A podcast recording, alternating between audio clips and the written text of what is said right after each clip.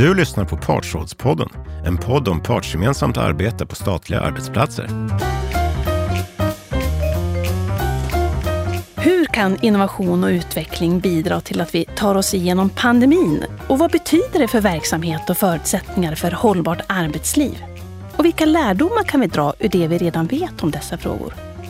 Jag heter Emilia Liljefrost och är programchef för Partsrådets program för hållbart arbetsliv. Ni lyssnar på Partsrådspodden. Jag har med mig två gäster idag. Varmt välkomna Anders Stålsby, ordförande för Partsrådets arbetsområde innovation och utveckling ur ett partsperspektiv. Och Ann Folin, överintendent på Statens museer för världskultur. Välkomna! Tack så mycket! Om jag börjar med dig Anders, kan inte du berätta lite grann om ditt område innovation och utveckling? Mm. Det vi framförallt vill göra det är ju att inspirera visa hur man kan jobba med innovation och utveckling i statlig verksamhet. För många statliga verksamheter så är det så att själva uppdraget, grunduppdraget kan ju vara konstant långa tider. Årtionden, kanske århundraden. Men hur man genomför det här uppdraget, där finns ju väldigt stora förutsättningar att jobba på nya sätt, jobba innovativt. Eh, så när vi pratar om innovation i statlig verksamhet så är det ju kanske lite en annan sak än när vi pratar om eh, innovation i företag. Vi i statliga verksamheter behöver ju inte hitta på nya produkter och hitta en marknad för dem. Det är inte det som är grejen. Utan här handlar det ju om att möta behov från användarna, från medborgare, från företag eh, och, och, eh, bedriva verksamheten på ett sätt som faktiskt lever upp till förväntningarna. Att, att fortsätta vara relevant i hur man genomför sitt uppdrag helt enkelt. Mm. Det är ju väldigt spännande när du lyfter fram det, det perspektivet att staten som sektor har en historia som sträcker sig tillbaka till 1600-talet. Eh, och ibland, ibland så, jag brukar säga att staten är ju byggnadsställningen för samhällsutvecklingen. Och det innebär ju ur det här perspektivet då, som du säger Anders, att det här är att skapa liksom förutsättningar att vara den här byggnadsställningen, mm. även mm. i tider när det förändras. Absolut, och förändras gör det hela ja, tiden. Ja. Ur ett partsperspektiv, vad betyder det i det här sammanhanget? Allt som partsrådet gör, gör vi ju partsgemensamt. Arbetsgivarföreträdare och fackliga företrädare tillsammans. Det är ju liksom själva grund idén med partsrådet. Och just när det gäller innovation och utveckling så handlar ju det framför allt om att stötta arbetsgivarrepresentanter och arbetstagarrepresentanter att i sin tur stötta chefer, medarbetare, fackliga medlemmar i att förhålla sig till det faktum att världen hela tiden förändras. Eh, förutsättningarna för verksamheten förändras hela tiden och vi måste liksom ta oss an eh, våra utmaningar på nya sätt. Eh, och, och, eh, så att eh, en väldigt viktig del i det här är just liksom att, ja, att, att hitta ett förhållningssätt till att vår verksamhet kommer att förändras. Den är inte statisk utan det är hela tiden nya förutsättningar, nya utmaningar och hitta sätt att, att både, både hitta lösningar och att hitta sätt att förhålla sig till en förändlig utveckling. Mm. Jag tänker att eh, det blir en jättefin övergång också till dig Ann, alltså sett utifrån det Anders säger och dina tankar om innovation och utveckling. Vad betyder det för dig? Jag tycker att Anders har gett, har gett en jättebra inflygning till just innovation i den statliga världen. Eh, och det handlar ju väldigt mycket om att skapa ökat värde för medborgarna genom att göra någonting med en högre kvalitet, smartare, billigare, nå ut bättre. Alltså det kan verkligen handla om arbetssätt och processer. Jag har ju en bakgrund annars från eh, museivärlden. Jag har jobbat, jag var chef för Tekniska museet som i stort sett är uppbyggt kring olika typer av innovationer och historiskt sett kanske man har tänkt på innovationer just som tekniska innovationer men det är ju så oerhört mycket bredare, precis som Anders belyser. Det handlar om, om eh, tjänsteutveckling, det handlar om sociala innovationer, om arbetssätt och processer. Eh, och för, för mig är ju innovationer det är ju motorn i en samhällsutveckling. Att vi vill eh, underlätta och lösa vardagen på ett smartare sätt och det kan handla om hur vi använder våra gemensamma resurser också. Eh, så innovation är jättespännande. Mm. Eh, och jobba med innovativa organisationer, vad, vad stödjer det? Men det kanske vi har anledning att komma tillbaka mm. till. Verkligen. Mm. Anders, i kontakten med eh, de lokala parterna i de statliga verksamheterna, är det någon särskild förändring som, eh, som ligger nära till hands sett till behovet av innovation? Jag tror ju att precis som Ann är inne på att mm. många tänker just på teknisk utveckling, att det är det man tänker på i första hand. Men, men det är ju också en väldigt viktig del i det här, att det är inte bara det. Mm. Och sen är ju en sak då att i statlig verksamhet, ja vi kanske inte alltid behöver vara de som är liksom först i att driva den tekniska utvecklingen. Men självklart ska vi ju dra nytta av de nya möjligheter som den tekniska utvecklingen ger. Mm, just det.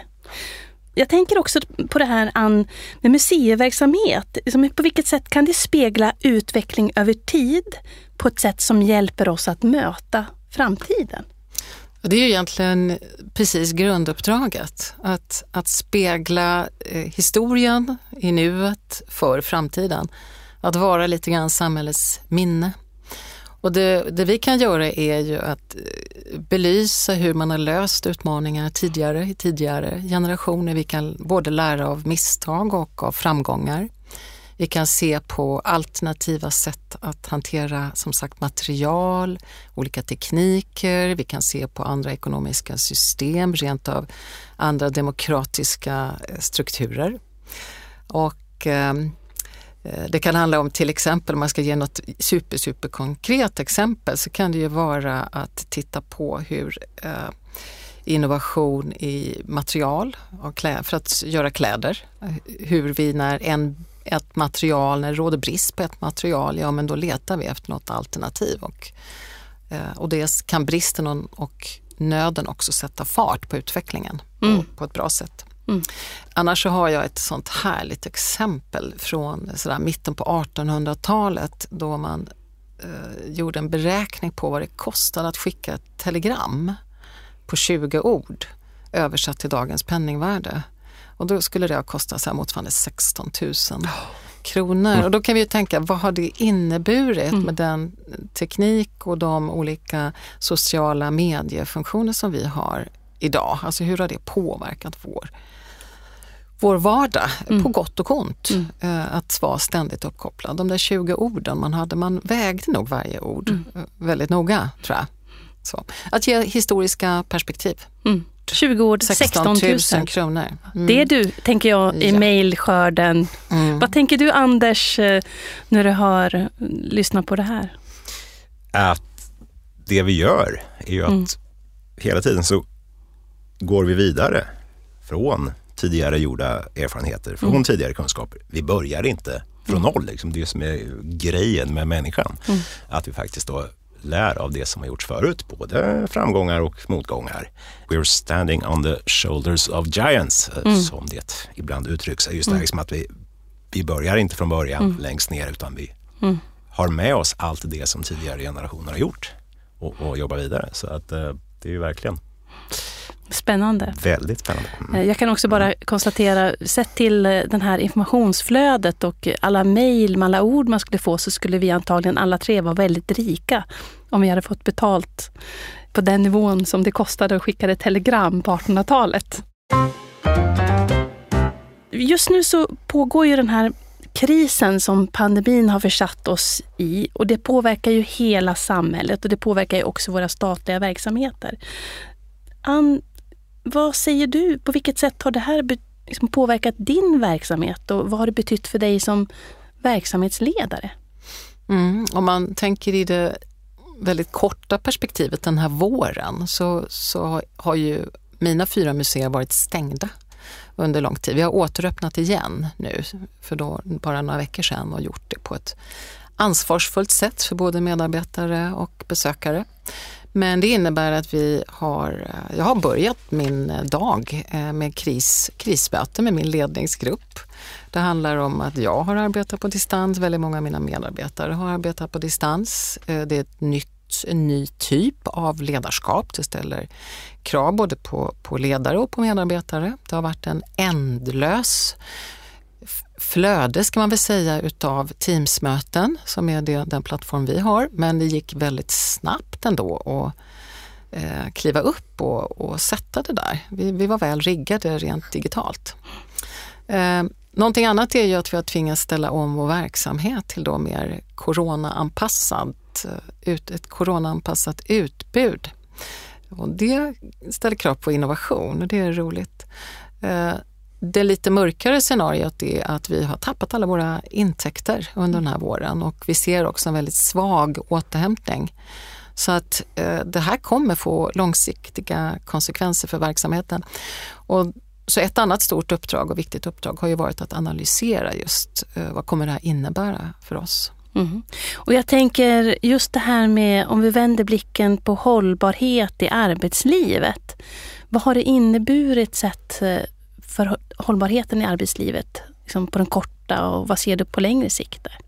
Ja, som sagt, den, den, den, korta, det korta perspektivet, mm. det, även om vi då tycker att det gick ganska bra, långt över förväntan att börja jobba med digitala verktyg, så är ju ändå människor sociala varelser och arbetsplatsen har en väldigt viktig social betydelse.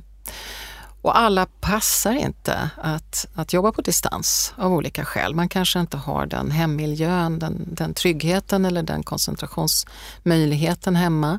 Och några far faktiskt illa i det här. Eh, så det, det, det är en aspekt tycker jag. Eh, jag tycker också att kroppen tar ju stryk. Det, eh, vi, vi sitter som krökta ostbågar här och rör oss lite mindre om man inte har gjort en väldigt strukturerad plan för det också. Men eh, tillbaka till ledarskap. Det ställer ett annat krav på ledarskap och det ställer också ett annat krav på medarbetarskap.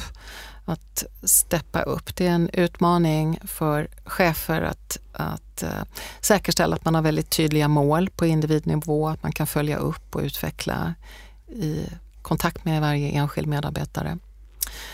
I värsta fall kan de som är tysta eh, bli ännu tystare och, några kan gå lite under radarn. Så att hur vi fångar upp medarbetare tycker jag är en utmaning i det korta perspektivet. Om man skulle gå över lite grann på det lite längre perspektivet, det är ju att eh, hantera den här ovissheten. Att alla, det, alla, alla, eller väldigt många känner ju att det är en, en tuff tid vi lever i där så mycket är under omprövning just nu eller vi har inte svar på alla frågor. Och det som vi ser i det lite längre perspektivet det är ju att eh, försöka stärka och hjälpa medarbetare i att eh, hantera det så gott det går. Eh, vi tror säkert att vi kommer behöva fortsätta att leva, leda på distans även framåt. Att vi behöver ställa om vår verksamhet, inte minst utifrån att vi har tuffa ekonomiska krav på oss den digitala utvecklingen har ju fått en riktig rejäl rivstart under den här våren och det ser vi ju att den utvecklingen kommer att fortsätta. Och hur säkerställer vi att vi har rätt kompetens för att leda det arbetet? Mm. Ja, det var några aspekter, mm. men jag tror att, att kunna ha en organisation som har en så pass hög omställningsförmåga att man klarar av sådana här snabba skift det har nog blivit väldigt uppenbart mm. tydligt, det behovet. Mm. När jag lyssnar på dig Ann så, så känner jag igen den här typen av resonemang efter jag har fört resonemang om den här typen av utmaningar över lång tid. Men vi har talat om det som någonting som tillhör framtiden och nu står vi mitt i det som vi har talat om komma skall lite grann. Ehm, det är intressant. Mm. Jag förstår att det är en utmaning. Ja, jag tror att väldigt många som som kanske inte har varit så hemma i de digitala verktygen. Det är en stor utmaning att hinna mm. ikapp här mm. just nu. Mm. En tanke apropå det, alltså det är ju att här, här ser vi ju verkligen hur när det behövs så har vi en stor förmåga att anpassa oss och hitta nya lösningar. Alltså, människans flexibilitet liksom är väldigt stor. Vi kan hantera nya situationer och här har vi verkligen fått göra det och där ofta sånt som har framstått som hinder, kanske till och med oöverstigliga hinder, plötsligt blir helt irrelevanta. Liksom. Mm. Nu kör vi.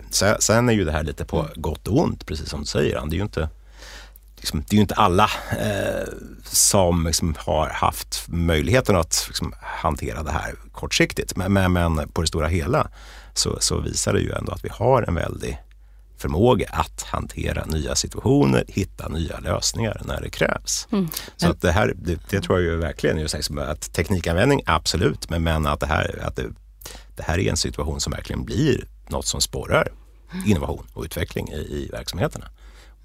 Ja, människan är ju egentligen otroligt anpassningsbar om man tänker efter. Mm. Uh, så vi har ju förmåga och vi kan ju också se hur en del branscher och en del organisationer och individer har steppat upp på ett helt otroligt sätt mm. och, och förändrat sina förutsättningar.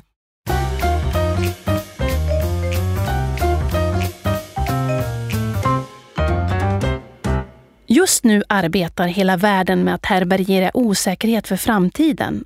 Förmåga till innovation och utveckling kan vara en viktig komponent i att hantera krisen. I statlig sektor arbetar myndigheter under förändrande omständigheter och det ställer krav både på vårt hållbara arbetsliv och hur vi jobbar tillsammans. Frågan är hur utveckling och innovation kan hjälpa oss framåt. Om vi liksom, du har varit inne på det här lite grann, Ann, eh, nu, men på vilket sätt tror du att, eh, på det sätt ni tar er an den här krisen, hur det kan utveckla medarbetare och verksamheten? i positiv bemärkelse. Mm. Nej, men när vi stängde ner våra fysiska museer så öppnade vi upp digitalt. Så på en vecka så gick vi upp och började webbsända visningar. Livestreamade eller förinspelade visningar, men i alla fall. Och det, det innebar att medarbetare som var vana att stå inför en publik plötsligt skulle stå inför en kamera. Eh, det innebär att om besökarna inte kommer till oss så kommer vi till dem. Och det skapar också, man ser också de möjligheter det kan innebära att nå personer som är för långt bort eller som inte har de fysiska eh, funktionsförutsättningarna kanske att komma till oss, att vi kan nå dem i deras miljö. Så det var ju ett exempel och det kommer ju vi eh, definitivt att fortsätta att utveckla. Jag mm. tror att pedagogik och undervisning kommer aldrig gå tillbaka till där vi har varit utan det är en väldigt stark utveckling. Mm. Så om digitalisering och digitala arbetssätt har rivstartat i nästan alla branscher så eh, det här är bara, vad vi, det är bara början. Eh, vi kommer se väldigt mycket mer av den varan. Och en annan aspekt är ju att vi ser också förändrade resemönster, vi ser förändrade mötessätt. Jag tror inte att man kommer motivera att flyga in en föreläsare från en annan del av världen för några timmars föreläsning eller själv flyga till andra sidan av världen för två dagars konferens, utan vi kommer att överväga hur vi möts. Och vi kommer säkert med vår kreativitet utveckla nya sätt att överbrygga eh, det som kan vara lite stumt i det digitala mötet och som det fysiska mötet är så mycket bättre på. Alltså hitta det här som det mellanmänskliga. Eh, det kommer vi säkert utveckla för att det är väl det vi, man ska säga något, en baksida av det här, det är att vi tappar det här. Eh, den mm. där möjligheten till kreativitet, att utmanas i tankar och verkligen insikter och mm läsa stämningar som också är en sån viktig sak. Och vi i vår bransch, vi saknar våra föremål och våra besökare som är själva kärnan i vår verksamhet. Mm. Så, så det har ju varit lite plågsamt faktiskt. Jag förstår det. Spännande. Anders, kan inte du berätta lite mer om vad ni har faktiskt gjort i arbetsområdet innovation och utveckling? Så jag vet att ni har haft innovationsdagar och föreläsningar. Men eh, som, om du tittar på det och berättar lite grann om det och också vad som kommer hända framåt. Ja. Vi jobbar ju som sagt framför allt med att inspirera och en del i det, det har ju varit att visa exempel. Hur har olika statliga verksamheter jobbat med innovation och utveckling? Hur har helt andra verksamheter jobbat med innovation och utveckling? Så är en del. Så att vi har gjort studiebesök, eh, haft seminarier, men vi har ju också jobbat mer konkret med angreppssätt, metoder. Eh, något vi har kallat innovationslabb till exempel, där eh, lokala partsföreträdare har fått ta med sig liksom, en idé om ett utvecklingsbehov och sen jobba strukturerat med det under ett par dagar. Försöka utforska vad, vad är det här behovet egentligen? Är det det vi trodde eller är det någonting helt annat? Och börja skissa på uh, lösningsförslag som kan testas väldigt snabbt. Testa i liten skala, göra det snabbt, se stämmer det här som vi trodde eller är det någonting annat mm. som är det egentliga behovet? Mm. Så, men, men, så att framåt här nu då, nu var det ju lyckligtvis så att det uppdrag som vi har i innovation och utveckling här nu för eh, i år var väldigt coronaanpassat corona-anpassat redan från start utan att det fanns en sån tanke. För det vi gör nu är, handlar väldigt mycket om att sammanställa och tillgängliggöra de lärdomar som vi har gjort och, och, och alltså sprida dem digitalt via, via Parsrådets webb som, som huvudkälla. Så att eh, under det här året nu så kommer vi att eh, publicera eh, en hel del material och, och eh, en del i det är ju det här formatet, eh, podcast. Mm berätta och beskriva om, om gjorda lärdomar. Så att nu har vi bjudit in några av de föreläsare som vi har använt i olika aktiviteter tidigare och vara med i Portrådspodden. Just det, det ser vi fram emot att ta del av. Mm. Du har varit inne på det här lite grann Ann, om när vi lyfter blicken och tittar över den pågående krisen. Liksom, kan vi djupa lite mer i det här med hur kris och nöd tidigare i historien har bidragit till utveckling och innovation? Man brukar ju säga det att nöden är uppfinningarnas moder och det stämmer säkert. Eh, man kan ju se att innovation drivs av både negativa eller positiva drivkrafter och kris och förändring är ju en sån där drivkraft. Ehm, man har också sett historiskt att eh, patent ökar under, under kristid. Man kan se att jag var inne på det här med materialbrist. Om det råder materialbrist i en tid så har man tvingats att utveckla nya material och nya lösningar. Eller om man har haft brist på arbetskraft eller att det har kommit en ny konkurrerande marknad eh, som har blivit aktiva så har det tvingat fram effektiviseringar och nya smarta lösningar. Eh, några ganska kul exempel på, på nöd är ju eh, till exempel eh, ett eh, föremål som, eh, som jag har sett som är gjort av djurtarmar, eller magsäck kanske är gjort av. Men det handlar ju om att ja, har man ingenting annat så får man ta det man har och så har man gjort en, ett kärl, en vattenflaska mm. som är i stort sett form formgjuten utav det här väldigt starka och fiffiga materialet. Mm. Och det har man sett, det är en teknik som man tar upp idag och kan göra då både möbler och, mm. och vardagsföremål utav. Mm. En annan teknik som vi kommer presentera eh, på Östasiatiska museet nästa år, det är något som heter Boro som är en, en lapp och laga-teknik, en japansk lapp och laga-teknik och den är ju verkligen sprungen ur fattigdom men har blivit en, en väldigt hyllad teknik så att den är nästan haute couture idag. Så att den har fått ett helt annat, en helt annat värde. Eh, och är ju, allt som handlar om återbruk är ju naturligtvis något vi har, kan lära av tidigare generationer. Mm.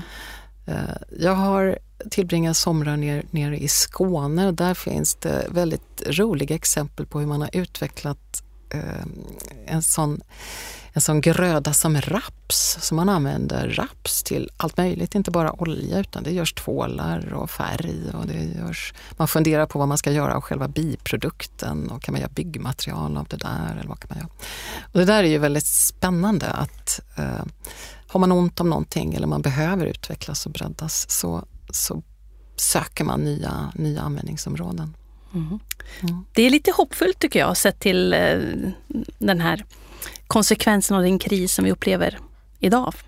Eller ta det som hände ja. när Absolut Vodka nu gick in och ställde ja. om hela sin tillverkning till handsprit. Precis. Jag menar det är okej, okay. ja, nu gäller det att steppa upp här. Mm. Lite grann som du var inne på Anders, det här med att när det väl gäller så är vi anpassningsbara och hittar lösningarna.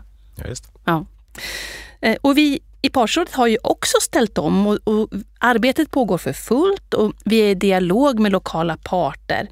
Och vill ni veta mer och titta på det här materialet som finns upplagt som inspiration för att möta utmaningen så gå in på www.covid19.partsradet.se. Ja, men helt klart är det ju så att innovation och utmaningar hör ihop. Men innovation kräver ju också mod och det kräver samverkan och det behövs uthållighet för att implementera i förändringsarbete. Och det är lite grann som utifrån vad vi varit inne på, liksom, man får inte eh, glömma det som Churchill sa att eh, don't waste a good crisis. Men vad är det för förutsättningar som krävs för att det ska vara möjligt att lära och utvecklas av en kris i en verksamhet? Vad tänker du där, Ann? Mm, ja, jag tror det första är ju att man faktiskt vill utveckling. Både på organisatorisk nivå och på individnivå. Att man är framåtblickande.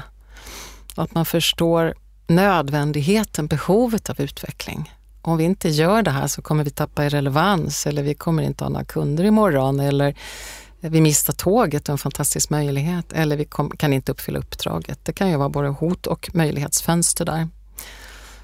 Att man ändå har en väldigt tydlig riktning, ett, en ty, ett tydligt mål kring vilken roll man vill ta och att det finns tydligt ansvar för alla i, i den, det stora, det stora maskineriet. Mm. Att man jobbar då gemensamt mot det där målet, delar den där målbilden. Eh, och sen tror jag ju att det är otroligt viktigt att vi har, utgår från ett användarfokus. Eh, vad är det för typ av behov som de vi finns till för har? Vad är det vi ska möta för behov?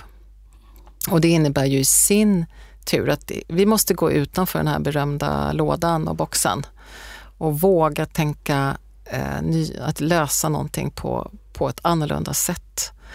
Eh, och, och skapa en trygghet i detta, även om det kan vara ett helt nytt område, ett outforskat område. Och det kan innebära också, det blir långt svar här, men mm. det kan ju innebära att vi behöver ha, kunna mobilisera våra medarbetare i, i ganska snabbfotade team med lite olika kompetenssammansättning som får uppgifter att lösa.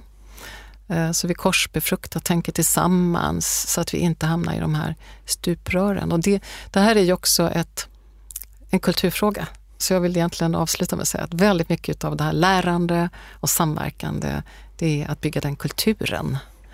Ehm, man skulle också kunna säga vad är det vi ska undvika och vad, vad gör att vi kan hämmas i, i utveckling.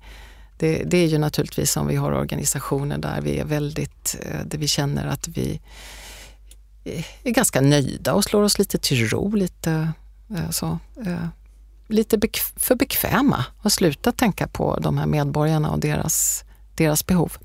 Eller att vi eh, har ett väldigt djupt rotat revirtänkande i våra verksamheter där vi inte uppskattar eller tar tillvara på olika medarbetares kompetenser eller medarbetare kanske känner konkurrens mellan, mellan varandra eh, och att vi behöver träna i att samverka mer. Eh, en annan eh, ganska problematisk bild är om man inte delar målbild och medarbetare är på väg någon annanstans. Eller om man lägger sin största energi på att eh, motarbeta utveckling. Så att få med sig medarbetarna tycker jag är, det är ju en jätteviktig och att jobba med kulturfrågan för det är mångt och mycket en, en kultur. Att mm. medarbetare ska känna sig trygga, att våga gå in i det oprövade landskapet. Mm. En kulturfråga, Anders. Vad säger du utifrån er erfarenhet eh, från innovation och utveckling? Jag tänkte på ett ord som ni sa, mod och att mm. våga. Det vi kan se det är ju statliga verksamheter, väldigt många av dem är skattefinansierade. Det går alltid att hitta vinklingar där man kan kritisera förändringar som statliga verksamheter genomför. Eh, och risken är ju då att det är säkrast att inte göra någonting att fortsätta som tidigare. Då är minst risk att bli utsatt för kritik. Och, och det, det, allra värsta är ju när man genomför ett stort projekt, dyrt, kanske mångmiljardbelopp och så visar det sig att det här funkade ju inte. Det vill man inte råka ut för. Eh, jag tror att det är väldigt viktigt liksom, att, att hitta sätt att liksom, organisera innovations och utvecklingsarbetet på ett sådant sätt så man kan testa i liten skala. Så att undvika att göra de stora misstagen genom att istället göra små misstag under organiserad form. Testa, prova, experimentera. När det visar sig att det här funkar, det här möter ju faktiskt ett reellt behov. Mm. Då kan man dra upp och göra det här i större skala.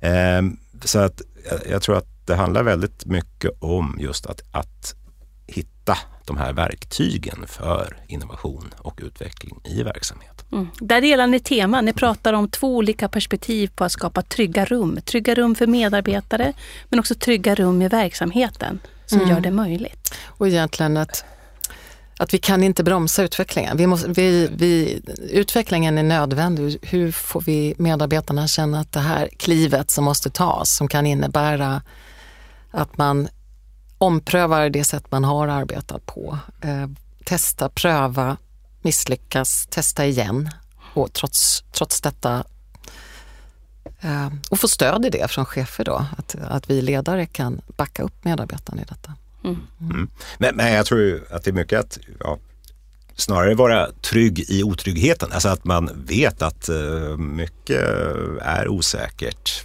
Vi vet inte precis vad som kommer att ske. Men ja, liksom, det är en del av en naturlig situation att förhålla sig till det helt enkelt. Mm, verkligen. Och det här stämmer, det stämmer så väl in. Ibland brukar man ju tala om att vi lever i en VUCA-värld. Att världen är volatil, den är osäker, den är komplex och mångtydig. Tillsammans med att många av de problem som vi står inför är wicked problems, där ingen äger varken problemet eller lösningen. Vi måste helt enkelt göra det här tillsammans på något sätt. Och poängen med partsrådet är det partsgemensamma. Det är ett stöd från centrala parter till lokala parter, fack och arbetsgivare som arbetar tillsammans. Ann, när samarbetet mellan lokala parter är som bäst, på vilket sätt är det en styrka för verksamheten utifrån ditt perspektiv som verksamhetschef? Ja, det är ju alltid dit man vill nå, att man ska jobba tillsammans eh, med utvecklingen, att, att lyfta och utveckla verksamheten framåtriktat. Och vad är det då som, som kan möjliggöra det? Och det tror jag att man är just att man delar samma målbild. Eh, gärna varit med och tagit fram den visionen tillsammans, riktningen tillsammans. Att man är, eh, delar också behovet, nödvändigheten av, av utveckling. Så man har varit väldigt tuff med att tala om hur ser det egentligen ut? Att se lite sanningen i vitögat, att vara öppen med de här utmaningarna som verksamheten står inför. Och sen gäller det ju också, eh, det räcker inte med kloka chefer eh, och klok ledning. Man måste ha kloka medarbetare, man måste ha kloka representanter. Att man har kloka ansvarstagande företrädare som ser till helheten och som kan vara med och bidra i den här, att hitta de här rätta lösningarna, det som passar oss. Och utifrån sina respektive roller då kunna bidra. Utan att göra det utifrån särintressen eller egenintressen. Vi har ju olika roller, att förstå varandras roller. Och avslutningsvis att man eh, tror varandra om gott. Att man litar på den här avsikten att vi ska utveckla verksamheten framåt. Då kan vi bygga ett ömsesidigt förtroende.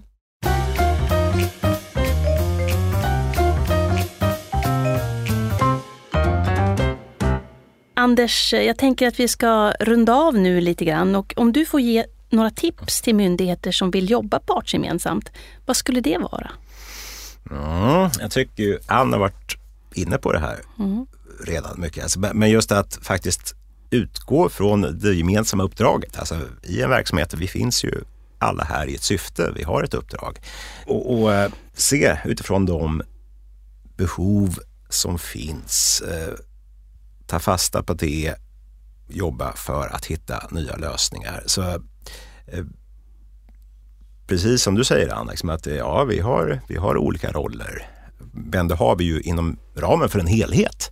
Så, så att det, det tror jag liksom är, är, väldigt viktigt som att gå tillbaka till. Varför finns vi här? Vad är uppdraget egentligen? Vad är det? Att det är det som, som blir ledstjärnan. Men, men sen eh, det vi pratade om alldeles nyss, alltså behovet av samarbete. Det tror jag är väldigt viktigt att tänka på, både, både i stort och smått. Både att liksom se till den kunskap, kompetens, eh, utvecklingsvilja som finns i verksamheten hos medarbetarna. Dra nytta av det. Väldigt viktig sak. Och någonting som ju har blivit väldigt tydligt den här våren, det är ju att vi ser att ja, de utmaningar vi ställs inför, de har ju ingenting med liksom myndighetsgränser eh, att göra. Det är väldigt mycket som kräver ett, ett samarbete myndigheter emellan eh, och också hitta former för det. Det kan vara en utmaning i sig ofta, mm. men, men eh, jag tycker ändå att vi, vi ser att det går att hitta, hitta vägar framåt även i det. Samarbete och samverkan, den är inne på båda två. Och jag tänker en sista fråga till dig också Ann. Om man som organisation vill bli bättre på att jobba med innovation och utveckling, vad kan det vara bra att tänka på då? Nej men som med så mycket annat så måste man faktiskt träna. Eh, att träna på att öva sin innovationsförmåga, idégenerering, att experimentera, att eh, våga misslyckas. Att träna på att möta människor som tänker annorlunda än en själv, som kan ge nya insikter, så att korsbefrukta, skapa miljöer där människor möts, där man tvingas att eh, tänka tillsammans, där man lockas att tänka tillsammans. Och sen tror jag också att man ska aldrig glömma vem vi finns till för. Så att eh, aldrig tappa att ha medborgaren och medborgarnyttan för ögonen. Eh, det är nog jätteviktigt. Mm. Och sen avslutningsvis också att det är ju eh, inga system som skapar innovation. Det är människor. Så att skapa miljöer där människor trivs och känner att de kan bidra på ett bra sätt. Stort tack idag till er båda två, Ann Folin och Anders Stålsby. Och behöver du som lyssnar lite mer inspiration om hur ni jobbar partsgemensamt i den här tiden? Gå in på www.covid19.partsradet.se. Du har lyssnat på Partsrådspodden. Partsrådspodden är en podcast från Partsrådet, en ideell organisation som består av arbetsgivare och fack på central nivå inom staten. Tillsammans erbjuder vi verktyg för ett bättre arbetsliv, bättre lönebildning, bättre arbetsmiljö, bättre samverkan och bättre utveckling på statliga arbetsplatser. Vill du veta mer? Besök vår hemsida, partsradet.se. Det här programmet görs på Beppo. Beppo.